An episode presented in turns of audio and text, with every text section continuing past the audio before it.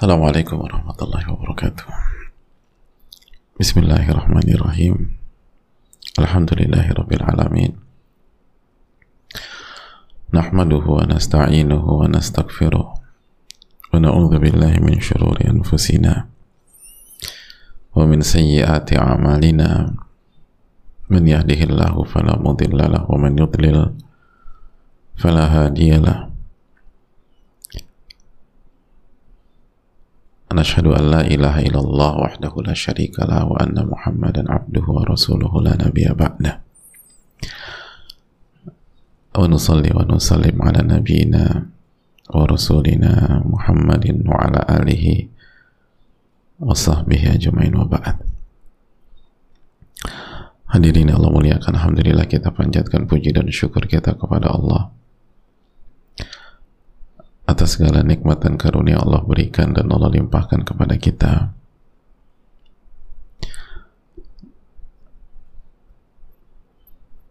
Nikmat yang tidak mungkin kita bisa hitung satu demi satu. Khususnya nikmat waktu umur untuk berbekal. Karena kita tahu bekal kita sangat minim hadirin jadi setiap hari itu sangat berharga.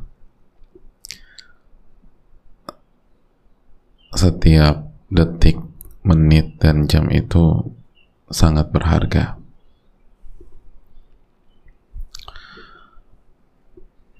Apa yang kita sudah persiapkan untuk pulang kampung nantinya ke kampung akhirat? Oleh karena itu bersyukurlah kepada Allah dan mintalah kepada Allah agar kita bisa benar-benar mensyukuri nikmat ini dan mendapatkan ilmu yang bermanfaat. Allahumma inna nas'aluka ilman nafi'an wa na'udzubika min ilmin la yanfa'. Ya Allah berikanlah kami ilmu yang bermanfaat dan lindungilah kami dari ilmu yang tidak bermanfaat. Hadirin yang Allah muliakan, sebagaimana perkuat iman, tauhid, yang kita lafadkan dalam syahadatain la ilaha illallah dan terus berupaya mengikuti Nabi kita sallallahu alaihi wasallam yang kita lafadzkan dengan wa anna Muhammadan abduhu wa rasuluh. Dan perbanyak salawat dan salam kepada Nabi kita, Rasul kita Sayyidina Muhammadin sallallahu alaihi wa ala alihi wa sahbihi wasallam. Hadirin Allah muliakan kembali bersama Imam An-Nawawi dalam kitab yang sangat fenomenal kitab Riyadus Salihin. Semoga Allah merahmati Imam Nawawi rahimahullah keluarga beliau dan seluruh kaum muslimin di mana pun berada. Dan semoga Allah subhanahu wa ta'ala memberikan taufik untuk bisa bersabar bagi yang sedang sakit dan memberikan taufik untuk bisa bersyukur bagi yang sehat karena kebaikan itu bukan pada kesehatan semata tapi kebaikan itu ada pada kesabaran yang mendampingi kondisi sakit dan rasa syukur yang bersama dengan kondisi sehat. Ajaban li amril mu'min, kata Nabi SAW, menakjubkan perkara atau kondisi yang dialami oleh seorang mukmin. Inna amrahu kullahu khair. Seluruh perkaranya itu baik dan terbaik buat dia in asabathu sarra'u syakar dan kalau dia diberikan kelapangan kesenangan kemudahan. Lalu dia bersyukur. Maka itu yang baik dan terbaik buat dia. Wa in asabathu dharra'u sabar dan kalau dia diberikan kesulitan musibah rasa sakit lalu dia bersabar oke itu yang baik dan terbaik buat dia. Maka marilah kita terus resapi hakikat ini dan semoga Allah memberikan taufik kepada kita amin ya rabbal alamin. Hadirin kita masuk ke ayat selanjutnya. Surat Al-An'am ayat 153 yang dibawakan Al-Imam An-Nawawi. Al-Imam An-Nawawi rahimahullah ta'ala menyampaikan Qala ta'ala Allah berfirman wa anna hadha sirati mustaqima fattabi'uh ولا تتبعوا السبل.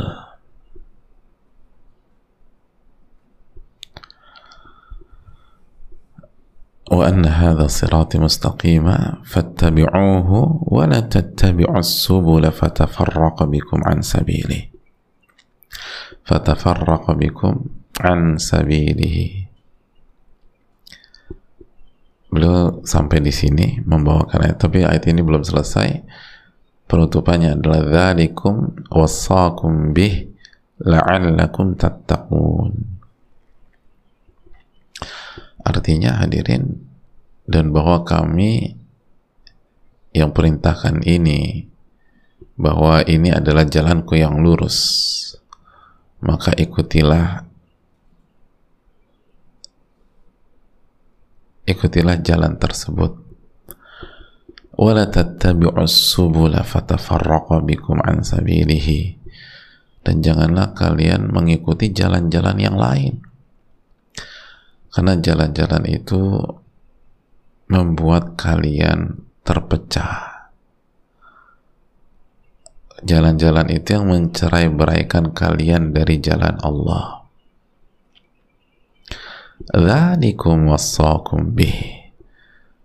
Dan demikian itu diperintahkan Allah kepada kalian agar kalian bertakwa. Agar kalian bertakwa. Hadirin yang semoga Allah muliakan. Allah berfirman sekali lagi dalam ayat ini bahwa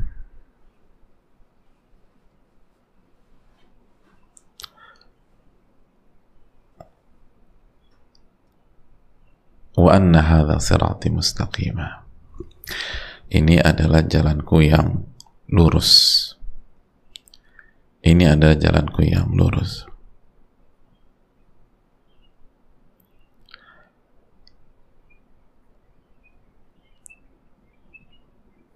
Jadi kata para ulama hadirin ini perintah kepada kita untuk mengikuti jalan tersebut.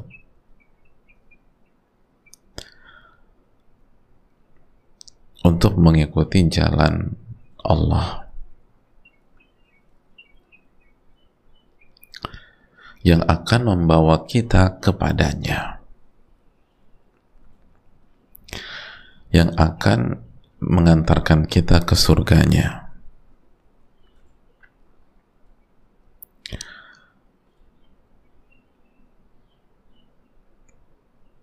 Dan jalan itu satu hadirin.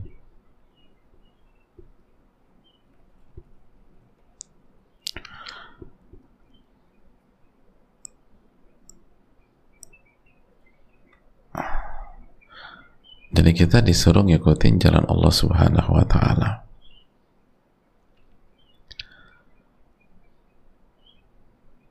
Kita disuruh mengikuti agama Allah subhanahu wa ta'ala yang lurus. Wa anna hadha sirati mustaqimah. Fattabi'uh ikutilah. Kata Imam Al-Baghawi rahimahullah tariqi wa dini. Ini jalanku dan agamaku yang lurus. Yang yang lurus Hadirin Allah muliakan.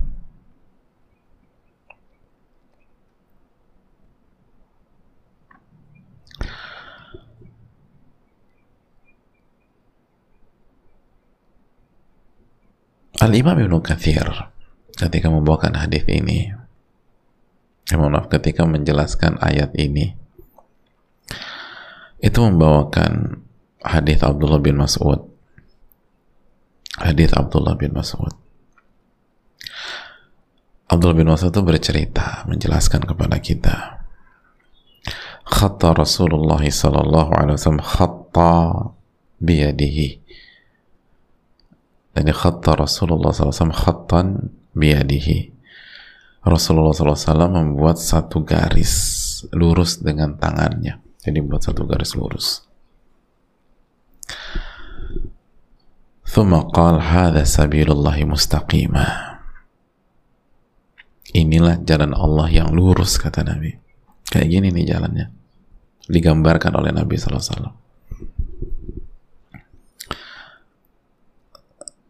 Lalu beliau melanjutkan wa khatta ala yaminihi wa shimalihi.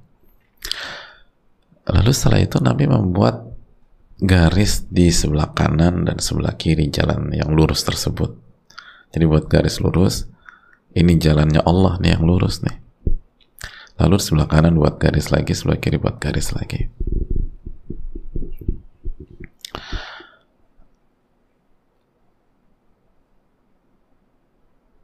Lalu Nabi SAW menyatakan, hadhis subul. Ini adalah jalan-jalan. Ini nih jalan. Jalan, jalan, jalan. Laisa sabirun illa alaihi syaitanun yad'u ilaih. Dan tidak ada satupun jalan yang kanan kiri gitu ya. Kecuali di jalan tersebut ada syaitan yang mengajak kita mengikuti dan masuk dan melalui jalan tersebut. gitu jadi buat garis di sebelah kanan sebelah kiri lalu Nabi katakan tidaklah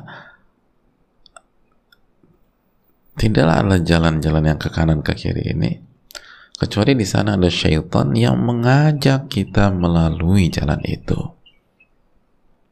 mengajak kita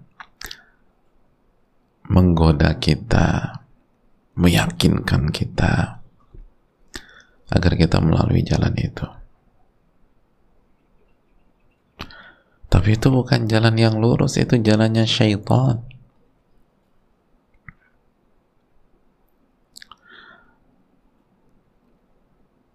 Bukan jalan Allah subhanahu wa ta'ala.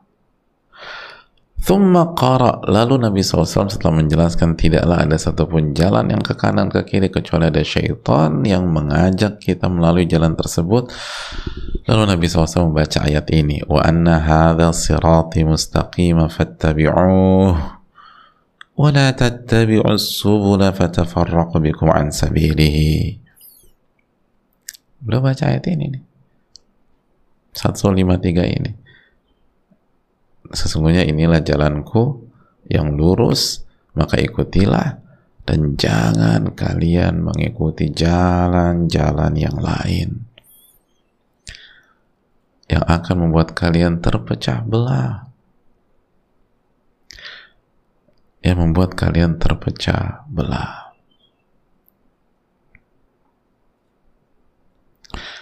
yang membuat kalian terpecah belah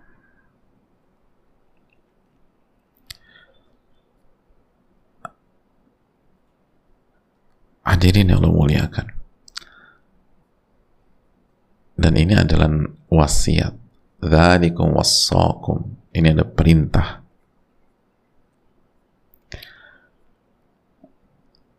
Agar kita bertakwa.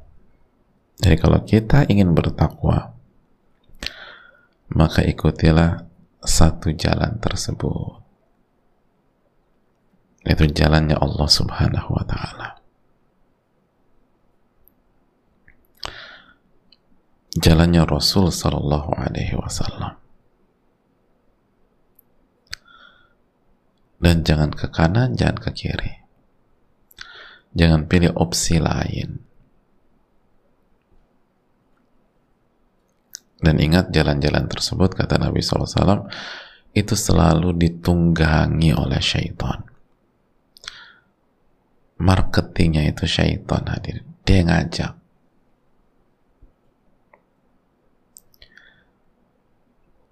Dan jalan itu banyak. Kan subul jalan-jalan. Untuk plural plural dari sabil jadi jalan Allah itu satu. Makanya kan kita minta di surat al-fatihah ihdinas siratal mustaqim.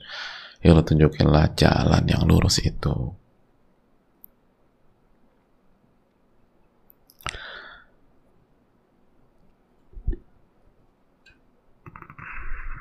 Tunjukilah jalan yang lurus tersebut. Hadirin yang Allah muliakan.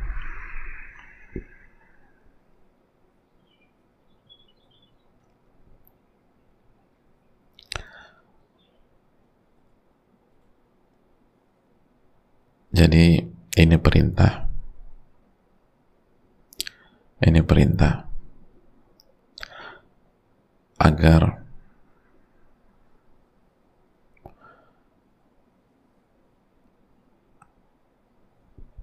kita mengikuti jalannya Allah Subhanahu wa taala. Ini perintah agar kita mengikuti jalannya Rasul sallallahu alaihi wasallam. Jangan mengikuti jalan-jalan yang lain. Jangan mengikuti jalan-jalan yang yang lain.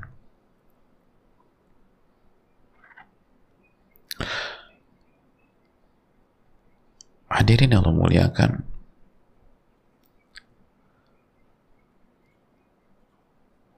Jadi ayat ini jelas ya. Ada dua hal. Yang pertama ikuti jalan Allah, jalan Rasul Shallallahu Alaihi Wasallam, dan yang kedua ikutilah. Atau jangan ikuti jalan-jalan yang jalan, jalan jangan ikutin jalan-jalan yang lain. Jadi ada jalan Allah dan ada jalan-jalan yang lain tugas kita adalah mengikuti jalannya Allah subhanahu wa ta'ala tugas kita mengikuti jalannya Rasul sallallahu alaihi wasallam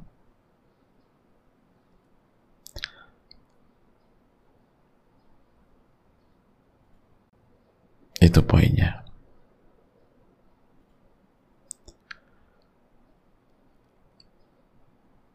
Dan jalan itulah yang akan mengantarkan kita ke surga. Jalan itulah yang akan membuat kita bertemu dengan Allah Subhanahu wa taala. Dengan kondisi Allah ridho dengan kita. Makanya kata dalam tafsir Al-Qurtubi hadirin dijelaskan bahwa فأمر باتباع طريقه الذي tarakuhu ala lisani nabihi Muhammad sallallahu alaihi wasallam wa syara'ahu wa nihayatuhul jannah Allah perintah kita mengikuti jalannya yang digariskan melalui lisan Rasul sallallahu alaihi wasallam. Yang dijelaskan oleh Rasul SAW, disyariatkan oleh Rasul Sallallahu SAW, dan akhir dari jalan tersebut, finishnya itu surga. Nah itu.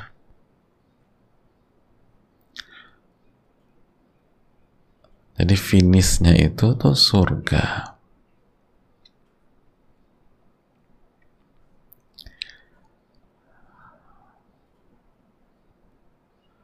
finishnya itu surga.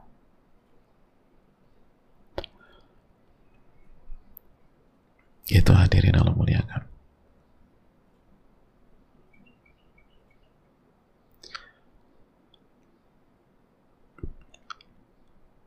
Jadi kalau kita ingin masuk surga ikuti jalan Allah yang dijelaskan Rasul Sallallahu Alaihi Wasallam ikutlah tuntunan dan petunjuk Rasul Sallallahu Alaihi Wasallam. Itu hadirin.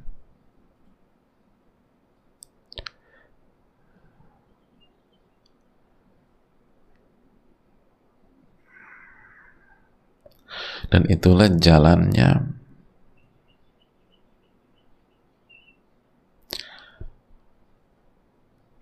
Para ulama kita, para sahabat, para tabi'in, para tabi'ut tabi'in,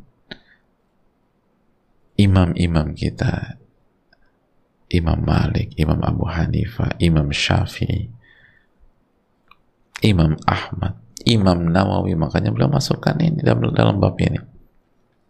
Kita tuh itu konsep ikuti jalan-jalan, jangan ikuti yang lain. Jangan ikuti yang lain.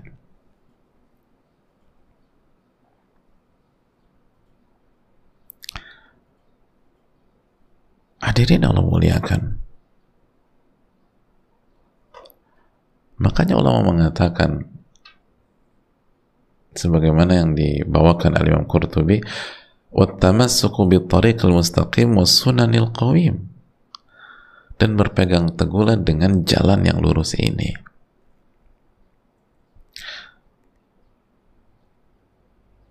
yaitu sunnah-sunnah Nabi yang lurus alladhi salakahu salafus salih yang dititi dijalani oleh ulama-ulama klasik kita terdahulu. Oleh sahabat oleh tabi'in oleh tabi'ut tabi'in. Wa fihil matjarur rabih. Dan di dalamnya lah perniagaan yang menguntungkan. Itu hadirin.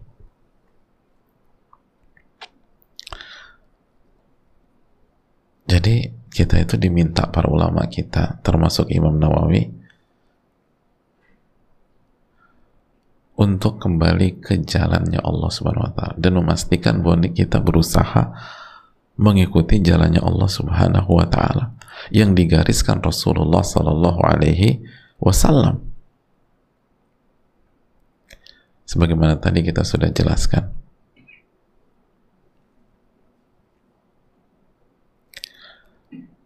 Hadirin Allah muliakan.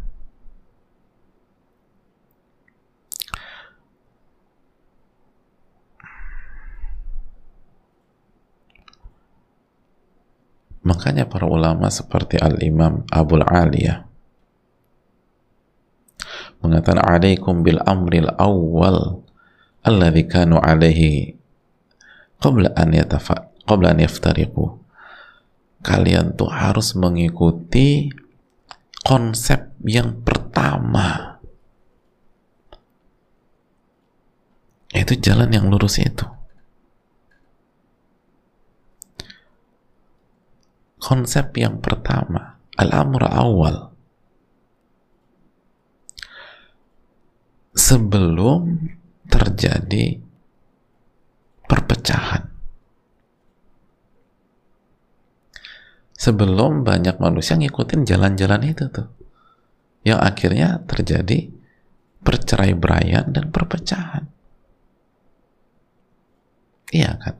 Kan tadi Nabi SAW menggambarkan ada satu garis terus nanti ada cabang ke kanan ke kiri kanan kiri. Dan di situ ada syaiton-syaiton yang ngajak. Nah apabila 10 orang melintas nih 10 orang melintas kalau mereka tetap meniti jalan yang lurus itu maka ke, yang akan sampai ke garis finish yaitu surga itu berapa orang? 10 kan? Tapi kalau ada dua tertarik ke jalan ke kanan. Ada tiga yang tertarik ke jalan yang ke kiri. Maka otomatis terjadi percerai beraian yang sampai ke ke akhir cuma lima orang. Duanya ke kanan tiganya ke kiri. Terpecah itu. Jadi terpecah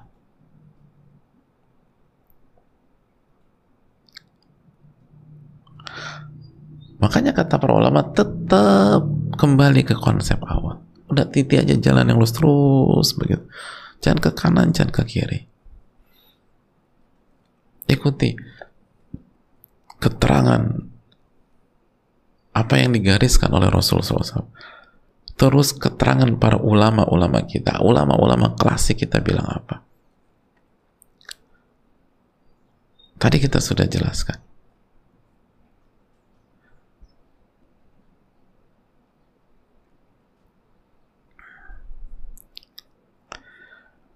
hadirin Allah muliakan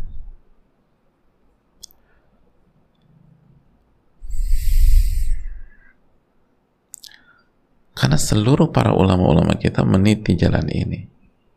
Konsepnya ulama-ulama yang kita kagum, kagumi, kita teladani. Kayak tadi, alladzi salakahu salafus salih. Itu lama-lama klasik kita meniti jalan ini.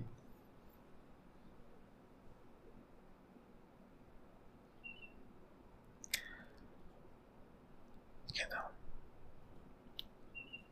Jangan ke kanan dan jangan ke kiri. Dan mungkin ada pertanyaan hadirin. Apa sih jalan-jalan ke kanan ke kiri itu jalan apa Pak Ustadz?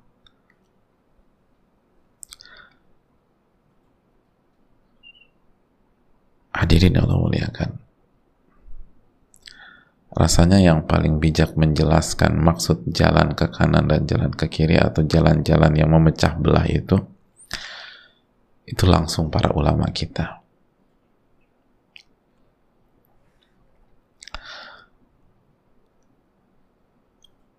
Yang kalau kita lihat kesimpulannya adalah dan ini bisa dicek di dalam tafsir At-Tabari tafsir Al-Qurtubi bahwa jalan-jalan ini mencakup semua konsep yang salah dan keliru. Semua konsep yang diada-adakan di dalam agama, akidah, amal ibadah. Mencakup segala kesyirikan, peribadahan kepada selain Allah. Mencakup semua hal yang diada-adakan di dalam agama, akidah, ibadah.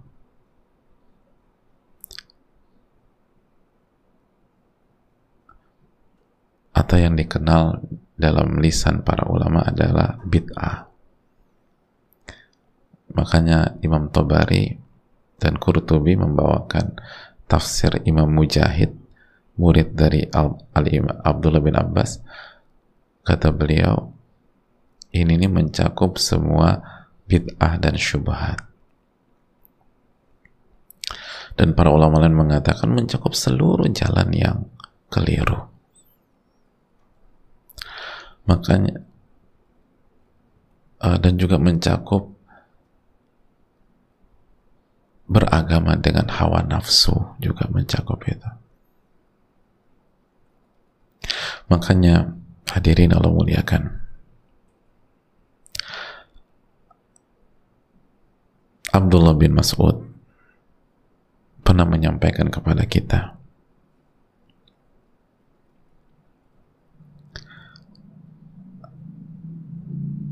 Ta'allamul ilma qabla an yuqbad. Pelajarilah ilmu sebelum ilmu itu dicabut. Pelajarilah ilmu sebelum ilmu itu dicabut. Wa qabduhu an yadhhaba ahluhu. Dan dicabutnya itu dengan cara ahli ilmunya wafat ahli ilmunya pergi. Ala wa iyyakum wa tanattu'a wa ta'ammuqa wal bid'ah lalu kata Abdullah bin Mas'ud jangan sampai kalian itu berlebih-lebihan dalam beragama melampaui batas terlalu mendalami yang bukan ranahnya dan melakukan bid'ah atau hal-hal yang diada-adakan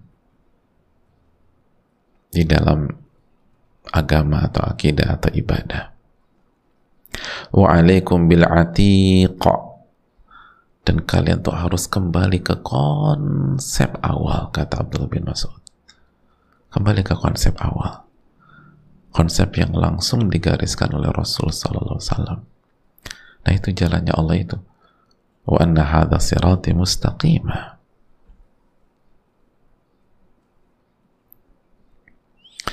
Ini bisa dicek dalam tafsir Al-Qurtubi.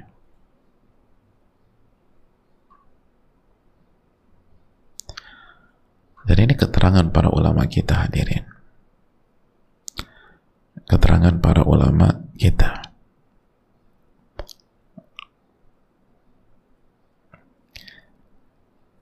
Karena mereka sayang sama kita.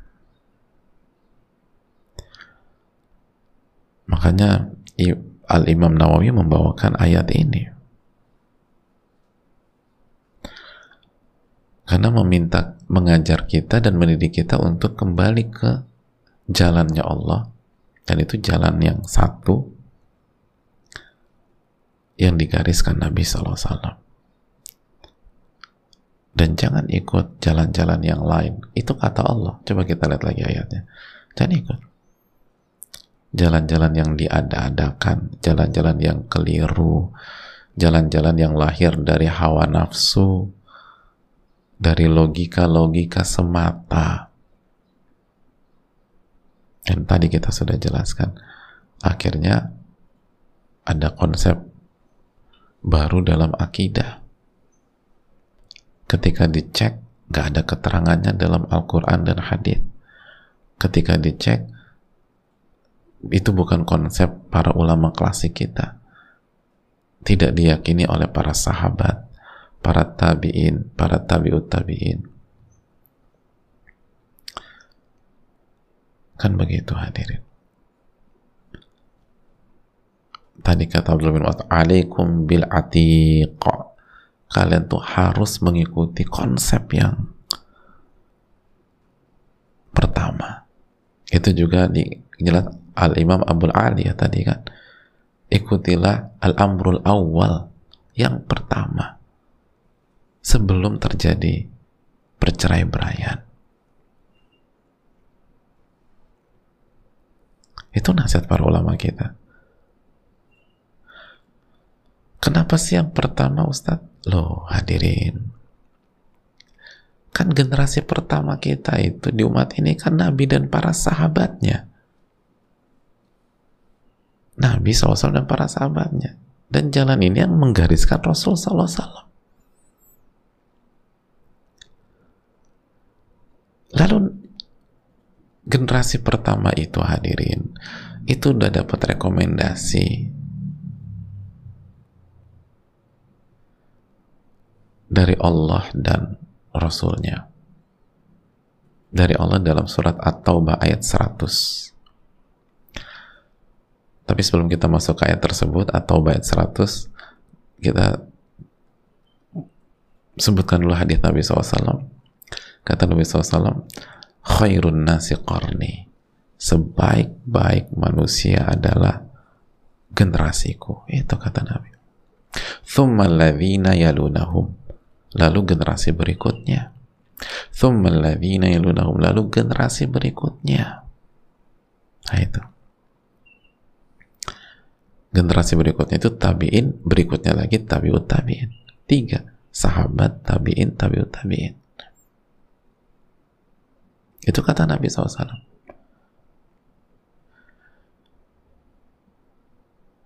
Jadi ketika ulama kita seperti Imam Nawawi, Abul Aliyah, Abdullah bin Mas'ud meminta kita untuk kembali ke konsep awal konsepnya Nabi SAW para sahabat.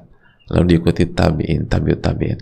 Itu mereka meminta kita untuk kembali belajar agama dari yang terbaik. Karena sebaik-baik manusia itu generasiku kata Nabi. Dan ini konsep di semua bidang hadirin. Di semua bidang itu kalau kita mau belajar mau jago belajarlah sama yang terbaik Benar gak sih hadirin? Kalau kita mau hebat, belajarlah di kampus terbaik, di lembaga terbaik, dengan guru besar terbaik, dengan profesor profesor terbaik di bidang itu.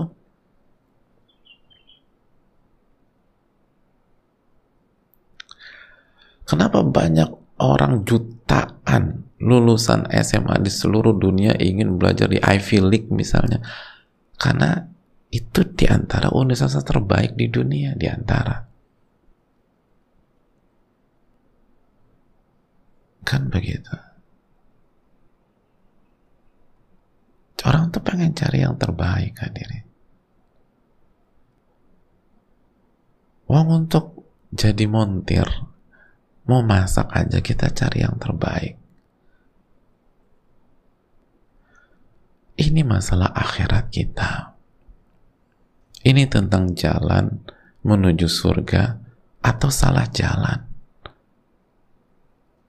Maka sangat wajar para ulama mengatakan kembali ke konsep awal.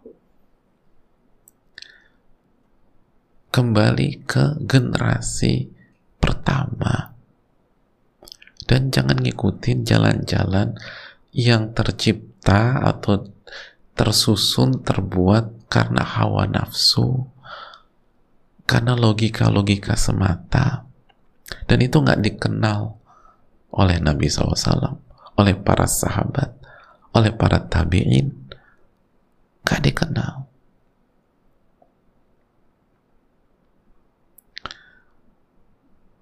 Hal-hal yang baru. Ini keyakinan saya. Oke, keyakinan ini diyakini enggak oleh Nabi SAW, oleh para sahabat, para Abu Bakar, Umar, Uthman, Ali radhiyallahu taala anhu. Kan begitu hadirin. Makanya Imam Ahmad mengatakan kita udah jelaskan beberapa kali iyyaka an tatakallama fil mas'alah laisa laka fiha imam. Anda jangan bicara sebuah masalah agama yang tidak ada seorang pun imam yang mengatakan seperti apa yang Anda katakan. Gitu hadirin. Jadi ini konsep generasi pertama atau tidak gitu. Kalau iya bisa dijelaskan referensinya mas gitu loh. Baik-baik aja. Kan kita semua ingin dapat kebenaran hadirin. Jangan menjatuhkan sesama kaum muslimin. Oh, menarik juga ya keyakinan Anda, mohon maaf, boleh tahu referensinya apa enggak? Gitu.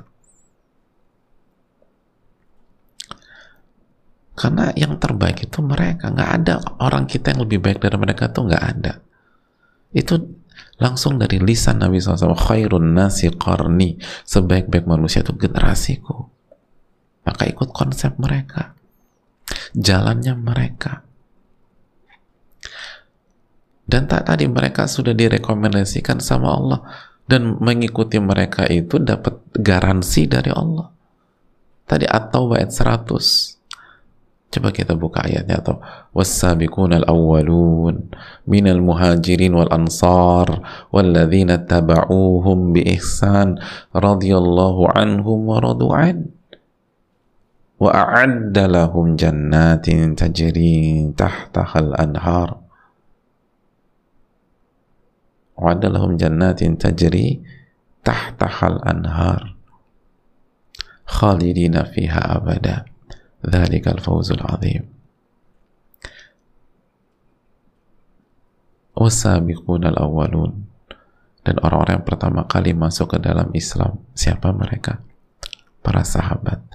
Dari golongan muhajirin dan ansor sahabat itu garis besarnya kalau nggak muhajirin ansor lalu dan orang-orang yang mengikuti mereka dengan baik. Yang ngikut nih lihat Allah ridho kepada mereka dan mereka pun ridho kepada Allah. Jadi kalau ingin dapat keridhaan Allah maka jadilah muhajirin. Yang nggak bisa lah Pak Ustadz. Oke jadilah ansor. Yang nggak bisa juga Pak Ustadz. Oke kalau begitu ikuti mereka dengan baik. Allah ridho dan mereka pun ridho kepada Allah lalu Allah siapkan untuk mereka surga-surga yang mengalir di dalamnya. Surga-surga yang mengalir di dalamnya. Selama-lamanya. Dan hadirin yang Allah muliakan. Dan Allah dan mereka kekal di dalamnya dan itulah kemenangan yang besar. Jadi wasabiqun al-awwalun minal muhajirin wal ansar dan orang-orang pertama kali masuk Islam dari kalangan muhajirin dan ansar. Walladzina taba'uhum bi ihsan dan orang-orang mengikuti mereka dengan baik. Radhiyallahu anhum wa radu'an Allah ridho dengan mereka mereka ridho dengan Allah. Wa'adda lahum jannatin tajri tahtahal anhar dan Allah persiapkan untuk mereka sungai-sungai mengalir di dalamnya di dalam surga itu. Khalidina fiha kekal selama-lamanya. Khalidina fiha abada selama-lamanya. Dzalikal fawzul azim itu kemenangan yang besar. Oleh karena itu hadirin Allah muliakan maka marilah kembali ke jalannya Rasul SAW.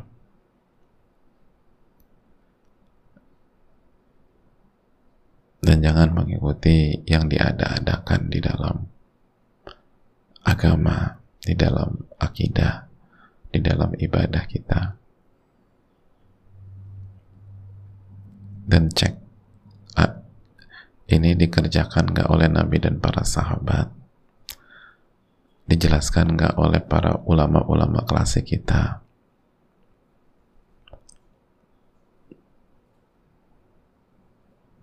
Gimana konsep mereka? Ikuti.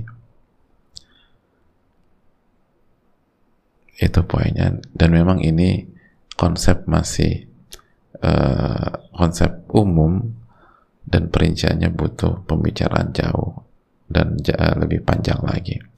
Tapi itu konsepnya kan itu konsep ulama kita bisa dicek dalam tafsir Al-Qurtubi, tafsir At-Tabari, tadi juga tafsir Ibnu Kathir, dan itulah tujuan Imam Nawawi membawakan bab ini. Ini yang bisa disampaikan. Jazakallah khairan. Semoga bermanfaat. Dan sekali lagi, pastikan jalan yang kita pilih itu jalan yang menuju surga Allah Subhanahu wa taala. Dan inilah cara kita bertakwa. Makanya kan penutupan ayat tersebut apa? Dzalikum wassaqum bihi la'allakum tattaqun. Tadi ayat ke-153 tadi. Dzalikum wassaqum bihi la'allakum tattaqun dan inilah perintah Allah, wasiat Allah kepada kalian agar kalian bertakwa. Jadi kalau kita ingin bertakwa, ya harus ngikutin jalan Allah yang lurus dan nggak bisa ngikutin jalan-jalan yang lain.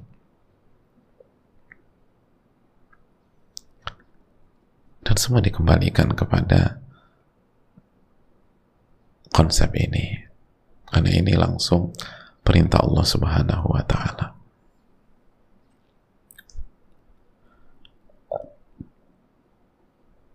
Saya rasa cukup sampai di sini waktu telah habis. Semoga kita diberikan ilmu yang bermanfaat, diberikan keberkahan, dan terus meminta jalan yang lurus. Ihdinas siratal mustaqim. Ya tunjukilah jalan yang lurus. Dan uh, semoga Allah Subhanahu wa taala menjaga kita semua, menjaga kaum muslimin dan memberikan hidayah kepada kita semua.